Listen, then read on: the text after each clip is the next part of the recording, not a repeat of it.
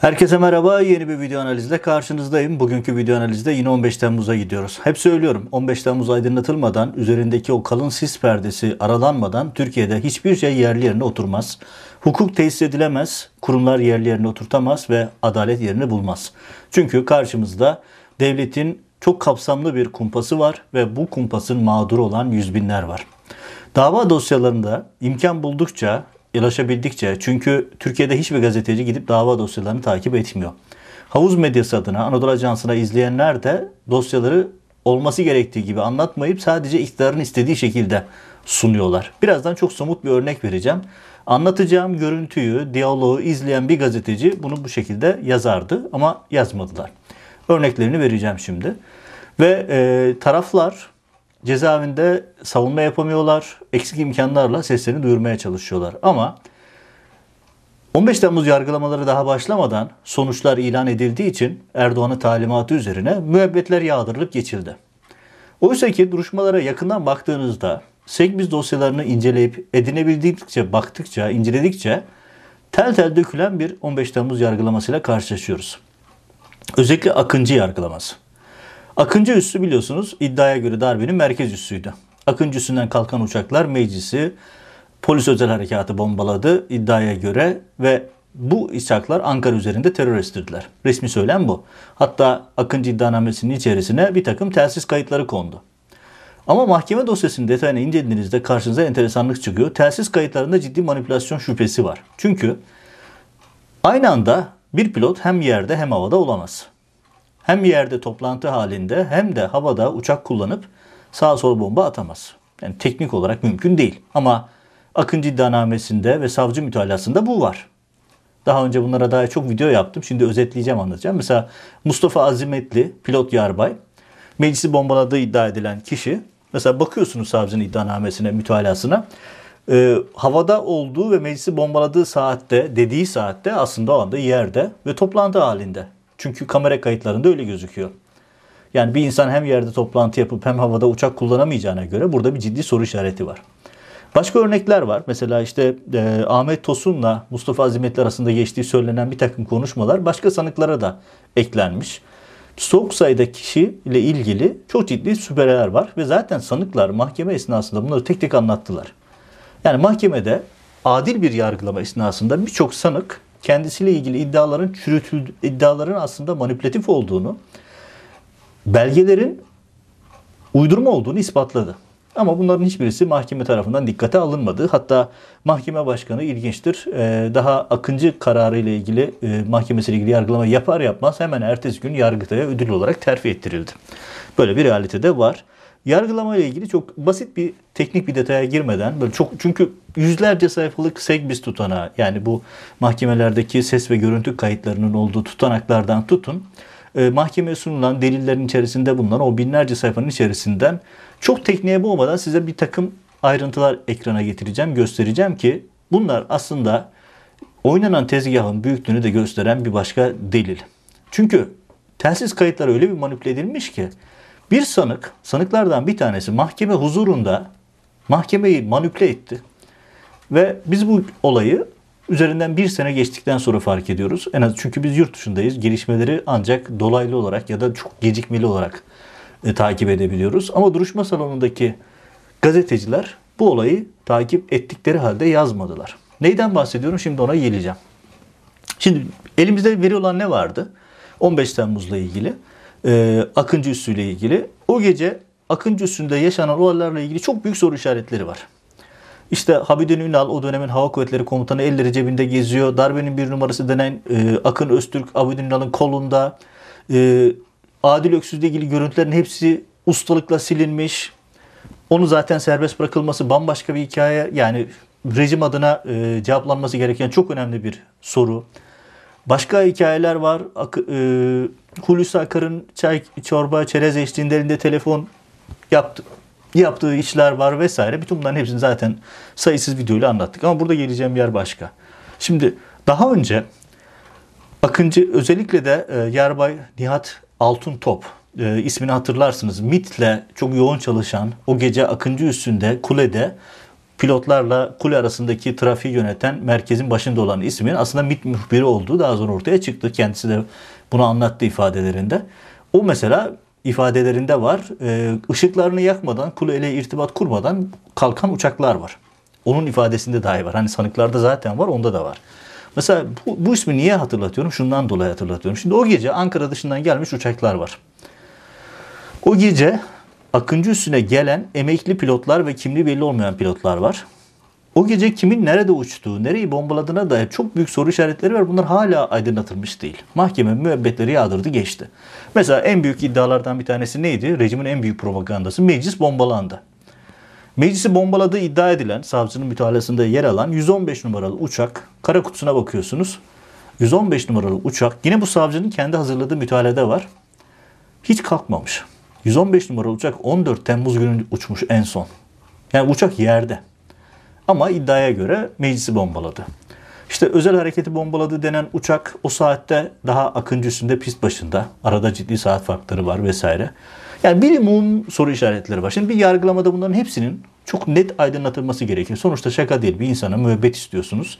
Hani idam olsa idam edecekler. İdam yok müebbet veriliyor. Ağırlaştırılmış müebbet. Hem de birden fazla. Bazı sanıklar 8-10 kez müebbet hapis cezası aldılar. Ve Akıncı Nizamiyesi'nde öldürülen sivillerin kafalarında tek kurşun vardı. Daha önce buna dair bir video da yapmıştım. Ve kafalarından tek kurşun öldürülmüştü bu insanlar. Keskin nişancı atışıyla öldürülmüştü. Tıpkı İstanbul Boğazı'nda e, Erdoğan'ın reklamcısı Erol Olçok ve oğlu Abdullah Tayyip'in öldürüldüğü gibi. Yani çok fazla soru işareti var. Ama şimdi geleceğim yer eminim sizin de çok ilginizi çekecek. Çünkü ben bu kadar dost yoktum ama ben bu ayrıntıyı fark etmemiştim. Daha doğrusu o bölümü yeni ulaşabildim. Çünkü dediğim gibi yurt dışından dosyalara ulaşmak da biraz zor. Şimdi o gece Akıncı üstünde kulenin sorumlusu isim Meydan Hareket Komutanı resmi adı Yarbay Nihat Altıntop. Bu ismi hani MIT'teki arkadaşı Korkut Gül'e saat başı rapor veriyor. Hatta Korkut Gül bunu uyarıyor. İşte kayıtları silin, şunu yapın, bunu yapın şeklinde bir takım görüşmeleri var. Şimdi Altın Top, Yarbay Altın Top hem mağdur, hem müşteki hem de tanık. Üç farklı pozisyonda ifade veriyor. Ve bu isim 16 Temmuz'da 04.20'ye kadar akşam 8'den 15 Temmuz akşamı 8'den 16 Temmuz 04.20'ye kadar Kure'deki iniş kalkışı kontrol eden kişi. Diyor ki İlerleyen saatlerde polisler e, beni der, derdest ettiler. Daha sonra polisler gelince beni kurtardılar özetleyerek söylüyorum. Hemen kuleye gittim. O gece yapılan kule telsiz konuşmalarının olduğu tapeleri alarak emniyetli bir yere koydum. Daha sonra da savcılara teslim ettim. Şimdi dakika bir gol bir. Bu işlemi yapan, bu çünkü çok temel bir kuraldır. Delil bütünlüğünü bozmaktır. Bunu bırakın yarbayı oradaki onbaşı bile yapmaz ama yapmış. Yani bütün gizemi çözecek olan kayıtlarla ilgili verileri delil olması vasfını daha ilk dakikadan çıkartmış. Ve MIT'le irtibatlı bir isim yapıyor bunu. O kayıtların manipüle edilmesiyle ilgili zeminin hazırlanması olayı bu. Dahası kayıtlar 17 Temmuz'da emniyet kriminale teslim ediliyor. Ama incelenmesi tam 2 hafta sonra başlıyor. Yani en kritik dosyanın incelenmesine 2 hafta gecikmeli başlıyorlar. Peki neden? Şimdi burada bir hatırlatma yapalım. Savcı Serdar Coşkun vardı hatırlarsınız. Meşhur bir tutanak var. O tutanakta hani gazeteci Ahmet Dönmez'in çıkarttığı bir tutanaklı haberdi. Orada mesela ne vardı? Diyordu ki daha olaylar olmadan akşam 1'de tutanak tutuyordu. Daha meclis bombalanmamış, emniyetteki saldırı yapılmamış. Bunlar olmamışken tutanağa olmuş gibi giriyor. Olmamış olayları olmuş gibi yazıyorlar. Çünkü önceden planlanmış bir senaryo var. İşte telsiz kayıtları da bu senaryo uygun hale getirilmiş. Kule kayıtları da bu senaryoya uygun hale getirilmiş. Az önce söyledim. Mustafa Azimetli ile ilgili kayıtlara bakıyorsunuz. Ahmet Tosun'la ilgili kayıtlara bakıyorsunuz. Sonra başka isimlerle ilgili kayıtlara bakıyorsunuz. Ya adam yerde kamerada görünüyor. Yerde koridorda toplantı odasına giriyor. Elinde evraklar var. Ama savcı iddianamesine göre o saatte havada ve meclisi bombalıyor. E yine aynı kayıtlara bilirkişi raporlarına bakıyorsunuz. Meclisi bombaladığı söylenen uçak 15 Temmuz günü hiç uçmamış. Karakutu kayıtlarında gözüküyor. Karakutu kayıtları en sağlam e, delil sonuçta. Böyle örnekler var. Şimdi burada Tabi altın topun, Yarboy altın topun durumu son derece ilginç. Çünkü delillerin delil bütünlüğünü bozuyor. Delilleri oradan alıyor, saklıyor, sonra teslim ettim diyor. Bir kere zaten yani adli olarak o deliller delil olmaktan çıkıyor zaten. Ama sonrasında başka şeyler de oluyor. Burada en önemli şey duman diye bir sistem var. O da kule ile uçaklar arasındaki trafiği kaydeden sistem. Adı da duman koymuşlar. Yani kim hangi yazılım şirketi yazdı bilmiyorum ama adını duman koymuşlar ve burası e, kule ile jetler arasındaki görüşmelerin kaydedildiği yer. Şimdi dananın kuyruğu burada kopuyor. Tarihini söyleyeyim. 2017'ye 43 esas sayılı dosyanın 19 Ağustos 2020 472. celsede sanıklardan birisi. Sivil sanıklardan Harun Biniş. Hani çok söylenen işte cemaatin imamları olduğu iddialı isimlerden bir tanesi. Bu isim bence hiç önemli değil. Neden önemli değil? Çünkü anlattıkları ve mahkeme salonunda yaptıkları çok enteresan. Yani keşke o kamera kayıtlarını bulup size izletebilsem. Ben de izlemeyi çok isterim. Çünkü Harun Biniş mahkemeye geliyor ve diyor ki haş değerleriyle oynandığını ispatlıyor mahkeme salonunda. Ve ekrana yansıtıyor ekranlarda ve tam olarak 987 tane verinin hash değerleriyle oynandığını gösteriyor. Başka rakamlar da söyleyeceğim şimdi. Kafanız karışabilir ama yüzlerce rakamla oynanmış, veriyle oynanmış. Ve bunlardan 830 tanesi 15 Temmuz'u akşam 8'den sonrasına ait. Hani Yarbay Altıntop'un görevi aldığı saatten itibaren. Ve olması gereken yerde olmayan kayıtların toplamı da 2824. Şimdi ekrana getiriyorum o e, Excel dosyasını. Doğru yerde olan sayı sadece 200 şey 2249. Yani 2804 24 tane 2824 tane veri ses birisi kayıt yerinde değil, oynanmış. Ve bunların çoğu nizami olarak hazırlanmamış. Yani kayıtlarda bir oynama yapıldı çok açık. Şimdi kayıtlarda oynama yapıldığını hani bu Excel verilerine tutarsızlıklara, çelişkilere girmeseniz bile zaten diyorum ya Mustafa Azimetli ile Ahmet Tosun arasındaki telsiz trafikleri Anadolu Ajansı'nda ve havuz medyasında paylaşılan işte e, böyle çok da tuhaf e, diyaloglar gerçek olmadığı konusunda şüpheleri zaten oradan da var ama e, böyle kayıtların şüpheli olduğuna dair zaten son derece fazla veri vardı elimizde. Ama asıl önemli hamleyi sanık mahkeme salonunda yapıyor. Ve diyor ki bakın mahkeme salonunda dediğim gibi hash değerlerini unutmayın. Hash değerleri bir dosyada, belgede, programda orijinalinde farklılık var mı yok mu onu tespit etmek için önemli bir veri. Yani oraya bakıyorsunuz burada bir değişiklik var mı yok mu konusunda. Şimdi ses kayıtları da çok önemli çünkü hani diyelim ki uçak kaza yaptı, uçak düştü ya da uçakla ilgili başka bir hukuki durum var. İlk bakılacak yerde oradaki ses kayıtları, dumandaki kayıtlar. Ama ne yapılıyor bakıyorsunuz 15 Temmuz'da 15 Temmuz akşamı ve 16 Temmuz gecesi işte o, o gece 16 Temmuz'a sarkan günde yaşanan olaylara dair sanık mahkeme salonuna çıkıyor. Tarihinde söyledim 19 Ağustos 2020 tarihli 472. celsede yaşanıyor bu hadise. Sanık diyor ki ben size şimdi bir ses kaydı dinleteceğim. Talimatla bir ses kaydı yani talimat dedim oradaki mübaşire talimat veriyor. Şu dosyayı açın diyor. Dosyayı açıyor dinletiyor ve herkes şokta. Mahkeme salonunda herkes şok. Başkan, sanıklar herkes şok. Çünkü ses kaydında Harun Meliş'in kendi sesi var ve ses kaydında çok önemli şeyler söyleniyor.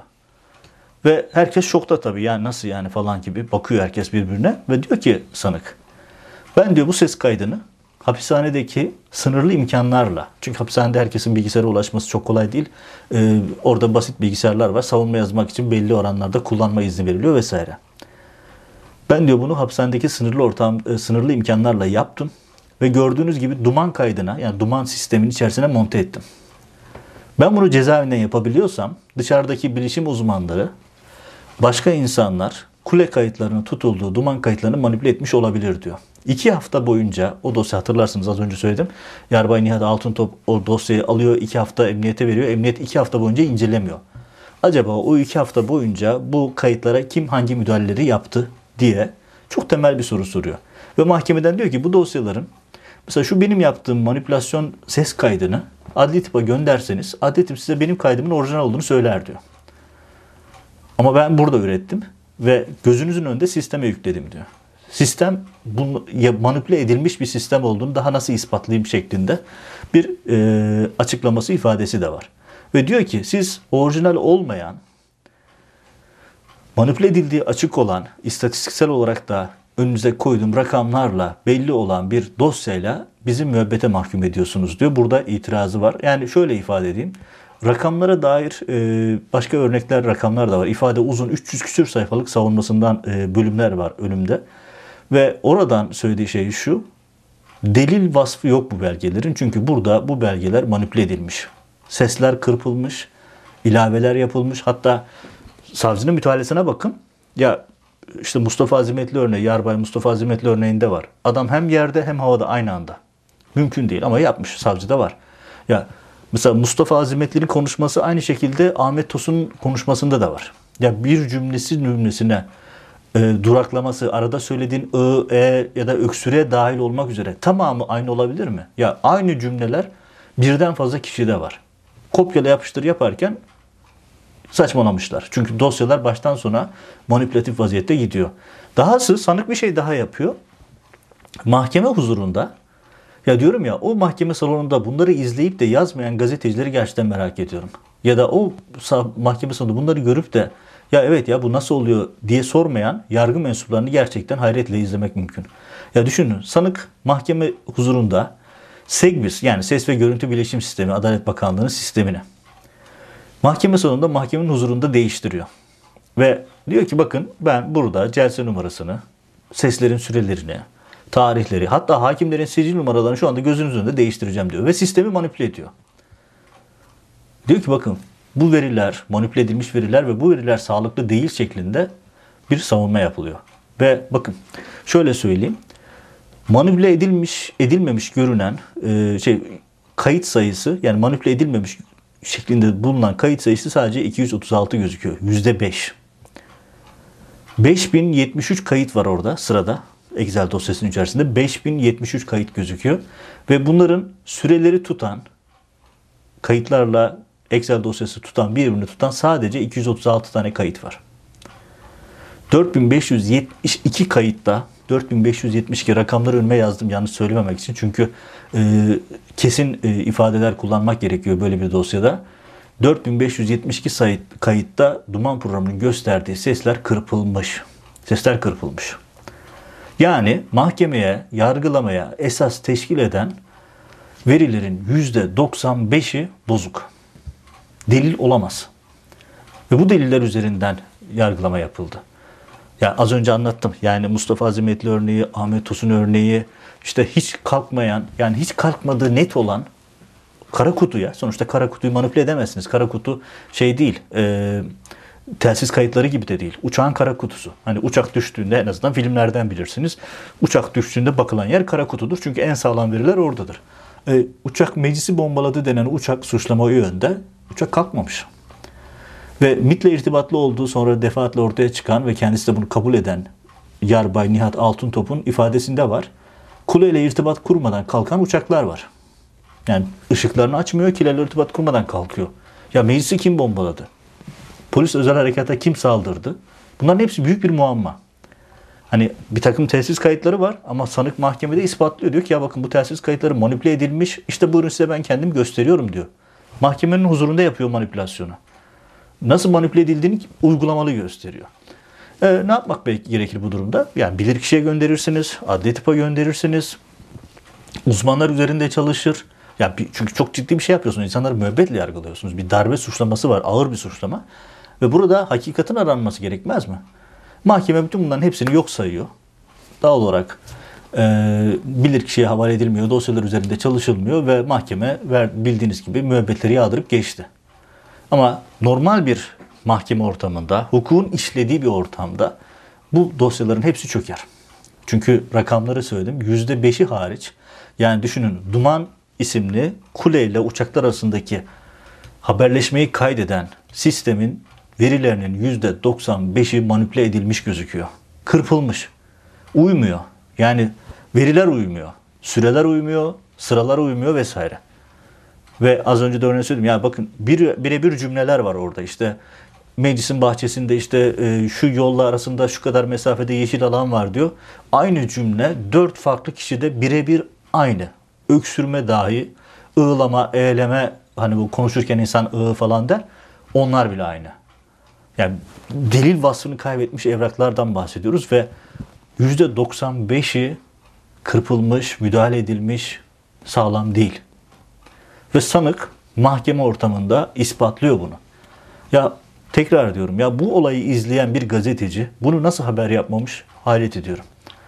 Bu olay benim önümde olmuş olsa ben bunu oturur bütün boyutlarla yazarım. Üzerinde çalışırım. Çünkü gözümüzün önünde bir sanık bir ses bandını üretip onu size kule kaydı olarak dinletiyor. Ve diyor ki bunu ben cezaevinde yaptım. Ben bunu cezaevinde yaptım. Kule duman sistemine ekledim. Duman sistemi manipüle edilebilen bir sistem. Gördüğünüz gibi manipüle edilmiş bir sistem diyor. Ve anlatıyor bunların neden olduğunu. Ama mahkeme onları dinlemedi. İşte cezayı verdiği günde pat diye gitti. Burada şöyle bir şey de var. Mesela bizim gazeteci meslektaşlarımızın davasında rastladığımız bir başka örnek. Benim çok yakın bir dostumun davasında oldu. Diyor ki e, gazeteci X kişisi Bank Asya'ya işte bir buçuk trilyon para yatırdı falan gibi bir şey söylüyor. Şimdi meslektaşım şaşırıyor. Hayatında bu kadar parayı bir arada görmemiş. Nasıl olabilir ki bu diyor. Sadece çünkü o çalıştığı kurum maaşlarını bankasya yatırıyor. Öyle bir anlaşma var. Herkes banka, maaşlarını bankadan alıyor sonuçta. Ve oradaki savcı şunu yapıyor. Rakamı büyük gösterecek, suç uyduracak ya. Bütün ayları üst üste topluyor. Yani her ay yatırılan maaşı üst üste koyuyor ve bir anda bu meslektaşımız bir buçuk trilyon para almış gibi oluyor. Oradan para yatırmış gibi gözüküyor vesaire. Gazete diyor ki ya ben hayatımda böyle parayı görmedim. Yani bana sadece maaşım yattı. Sonra bakıyor ha evet öyleymiş falan deniyor. Mesela az önce bahsettiğim işte 115 numaralı uçağın e, hiç kalkmadığı gerçeği kara kutuda ortaya çıkınca savcı daha sonra uçak numarasını sildi. Sadece 115'i koymadı. İşte kalkan uçaklar meclisi bombaladı. İyi de hangi uçak bombaladı? Uçakta kim vardı? Bunların hepsi daha belli değil. Hala karışık. Ya düşünün bakın. Akıncı üstünde o gece 77 tane uçak var. Bir kısmı Diyarbakır'dan gelmiş vesaire. Kayseri'den gelenler de var yanlış bilmiyorsam. Bakın bunlardan 11 tanesinin delil incelemesi hiç yapılmadı. İncelenmeyen 11 tane uçak var orada. Bunlar nereye uçtular, nereyi bombaladılar, hangi mühimmatla kalktılar bunların hepsi soru işaretleri. Burada daha böyle çok teknik detaya girmeye gerek yok. Gerçekten bu 300 küsür sayfalık savunmayı okuduğunda, incelediğinde, Segbis tutanaklarına baktığında ki gerçekten e, böyle enteresan bir şey Segbis tutanakları, kabus gibi bir şey. Ya okuyorsunuz ve diyorsunuz ya bu, sor, bu sorulara savcılık ve mahkeme heyeti, hakim nasıl duyarsız kalır? Çünkü ortada çok net bir durum var. Yani bu kadar manipüle edilmiş veriler var ve hem yerde hem havada olduğunu gösteren bir insan var. Bir pilot var. Pilotu diyorsun sen meclisi bombaladın ama adamın o saatte yerde meclis şey, Akıncı Üssü'nün koridorunda 143. filanın koridorunda yerde görüntüsü var. Yani bu adam yani hani Erdoğan hologramını yapmışlar diye öyle bir şey yapmadılarsa yerdeki adam başka birisi değil. Yani ya havada ya yerde. Teknik olarak başkası mümkün değil. Şimdi burada çok boğmadan şunu söyleyeyim. O kayıtların delil niteliği bozularak Nihat Altın Top tarafından MIT'le irtibatlı olduğunu kendisi de söyleyen Altın Top tarafından delil niteliği bozularak 15 gün bekletilme sürecinde bir senaryo yazılmış. Veriler o senaryoya göre yeniden dizayn edilmiş. Kopyala yapıştır, bul değiştir gibi değişik yöntemlerle yapılmış. Bunu yaparken aynı konuşmayı dört kişiye birden yazmışlar. Örnekleri var savcı dosyasında. Yani aynı konuşmayı birebir cümleyle başka pilotlar yapıyor ya da işte o anda yerde olan birisi havadaymış gibi yapıyor. Yani aynı konuşmayı hem pilota hem de yerdeki kule görevlisine yazmışlar vesaire. Böyle örnekler var. %95'i Excel dosyaları birbirini tutmuyor, ses süreleri birbirini tutmuyor vesaire. Bütün bunlar var. Yani önce projeyi yazmışlar, arkasından da delilleri ona uydurmuşlar. Ama mahkemeler ne bilir kişiye ne adli bunları gerekli çalışmaları yaptırmadığı için emniyet, yargıla, yargılama aşamasında bunlara çok önem verilmemiş. Burada tabii önemli bir ayrıntıyı daha hatırlatayım. Biliyorsunuz Türkiye Cumhuriyeti tarihinde ilk defa Akıncı Üssü'ne MİT'ten bir ziyaret oldu. Hatta Akıncı Üssü e, o ziyarete çok sıcak bakmamış o dönemde. Bunu daha önce videolarda anlattım. Sonra devreye siyaset giriyor. Ve Akıncı Üssü'ne MİT'in, Akıncı Üssü 143. filoyemde MİT'in e, bir teknik gezi yapıyor. O teknik gezide artık neler sorduklarını az çok anlayabilirsiniz. Bir teknik gezide biliyorsunuz TÜBİTAK yapılmıştı. Ve 2012 1 Ocağı'ndan itibaren biliyorsunuz Genelkurmay e, GES komutanlığı, Genel, Genelkurmay Elektronik e, İstihbaratın merkezi olan ve çok önemli bir birim GES komutanlığı. Signal istihbaratı, SIGINT denen, signal istihbarat, SIGINT e, diye e, yazılan signal istihbaratın İngilizcesinin kısaltılışını e, yapan yer onların eline geçti. Yani MIT'in, MIT'in kontrolüne geçti ve böyle bir ortamda e, Akıncı'ya ilginç bir ziyaret yapılıyor ve tam da ziyaretin konusu o akşamki en kritik filonun merkezine yapılıyor ve telsiz sistemleri üzerine sorular soruluyor. Ne tesadüf değil mi? Ve dahası ilginç olan bir şey daha var. Akıncı'daki telsiz sisteminin çıkış gücü ne hikmetse 15 Temmuz'dan kısa bir süre önce düşürülüyor. Ve gerekçe olarak da deniyor ki bu güçlü telsiz sistemi Esenboğa'daki sivil hava alanının sivil telsiz sistemiyle karışıyor. Dolayısıyla bu yüzden bu akıncının gücünü düşürüyoruz. Şimdi telsiz sistemi şöyledir. Güçlü olan küçük olanı bastırır. Güçlü olanı yani akıncının özellikle telsiz frekansını düşürüp hem de 15 Temmuz'dan önce tuhaf bir şekilde akabinde havada askeri istihbarat uçağı var. Hatta Rusların da bir e, askeri istihbarat uçağının o akşam Türkiye semalarında olduğu gibi bir iddia var. Bunu dile getirenler de var. E, bu çok söylenen bir şey. Biliyorsunuz 27 Mayıs darbesinde de Rus istihbarat uçağı Türkiye semalarındaydı. O da enteresan bir e, hikaye, enteresan bir olay. Ve e, birçok kişi havada insansız hava aracı da gördüğünü ifade ediyor. Şimdi bunların hepsi cevaplanması gereken soru işaretleri. Tabii ki çok teknik konulardan bahsediyorum. Ben de okuduğumu anlamaya çalışıyorum, anlamlandırmaya çalışıyorum. Muhataplarına soruyorum ya da uzmanlarına soruyorum. Bu ne demek olabilir diye. Bu nasıl gerçekleşir diye. Ya ben gazeteci olarak bunları yapıyorum. Mahkeme başkanı insanların hayatıyla ilgili ömür boyu hapis cezaları gibi şeyler veren mahkemeler bunları yapmıyor.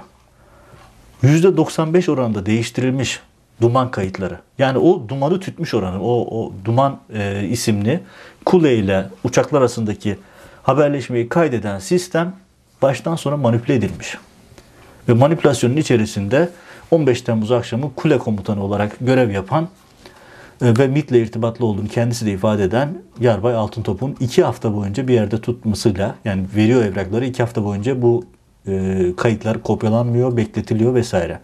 Yani özetle söyleyeyim bu delillerle manipüle edilmiş, oynanmış, yeniden yazılmış, değiştirilmiş verilerle yapıldı Akıncı yargılaması. Normal bir mahkeme ortamında bu delillerin, bu mahkemelerin tamamı çöker. Ve hep söylediğimiz AKP'lerin de kendilerinin söylediği bir şey var. Gerçek bir 15 Temmuz yargılaması yapıldığında hain dediklerimiz kahraman, kahraman dediklerimiz hain çıkabilir. İşte bu yüzden zaten gerçek bir yargılamanın önünü kesiyorlar. İnsanlar kendilerini savunsa bile kimse sesini duyuramıyor. Mahkeme başkanları dahi dinlemiyor. Hatta bir anekdot e, aktarayım. Yine Akıncı iddianamesinde okurken dikkatimi çekti. Sanıklardan bir tane pilot mahkeme başkanına işte hani hakem aşamasında ara talepler alınıyor. Ara taleplerde pilot söz alıyor. Kalkıyor diyor ki sayın hakim şunları talep ediyorum bunları talep ediyorum. Hakim her şeye red diyor. Doğal, e, doğrudan red veriyor hepsini. Dinlemiyor çünkü. O anda hakim e, sanık diyor ki tutukluluk halimin devamını talep ediyorum diyor. Sanık kendisi için. Hakim talebin reddine diye direkt olarak otomatik olarak cevabı veriyor. E, sanık diyor ki bakın bizi dinlemediğinizi nasıl gösterebiliriz diyor. Kendimle ilgili tutukluluk halimin devamını talep ediyorum. Beraat şey tahliye talep etmiyorum dedim. Siz tahliye talep etmediğim halde benim talebimin reddine karar verdiniz diyor. Hani dinlemediğimizi, bizi dinlemediğinizi nasıl gösterebilirim ben size diyor. Bir yanlış hatırlamıyorsam pilot yüzbaşının hikayesinde var.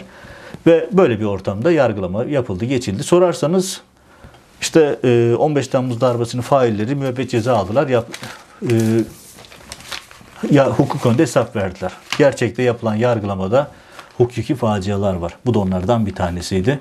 15 Temmuz'un en kritik verileri olan Duman isimli sistemin kayıtları %95 oranında sağlıksız, manipüle edilmiş, kesir yapıştırılmış, ekleme çıkarılma olmuş. Ve bunu sanık mahkeme salonunda medyanın, avukatların, hakimin gözü önünde ispatladığı halde bu detay medyaya yansımadı. Sanıklar ve hükümet medyası, Anadolu Ajansı ya da diğer medya sanıklar inkar etti deyip geçtiler. Ama ortada inkar edene geçilemeyecek kadar çok esaslı bir iddia var. Sanık kendi ses kaydının nasıl manipüle edildiğini mahkeme ortamında ispatlıyor ama ne hakimin ne de medyanın dikkatini çekebiliyor. Evet, 15 Temmuz'a dair önemli soru işaretlerinden biri daha. Telsiz kayıtlarının nasıl manipüle edildiğine dair önemli bir veri. E, bu konuyu incelemeye, irdelemeye devam edeceğim. Hep söylüyorum 15 Temmuz aydınlanmadan Türkiye'de hiçbir şey yoluna girmez. Gerçek faillerin, gerçek darbecilerin bulunması, masum insanların da özgürlüğüne kavuşması dileğiyle diyelim. Önümüzdeki yayınlarda görüşmek üzere.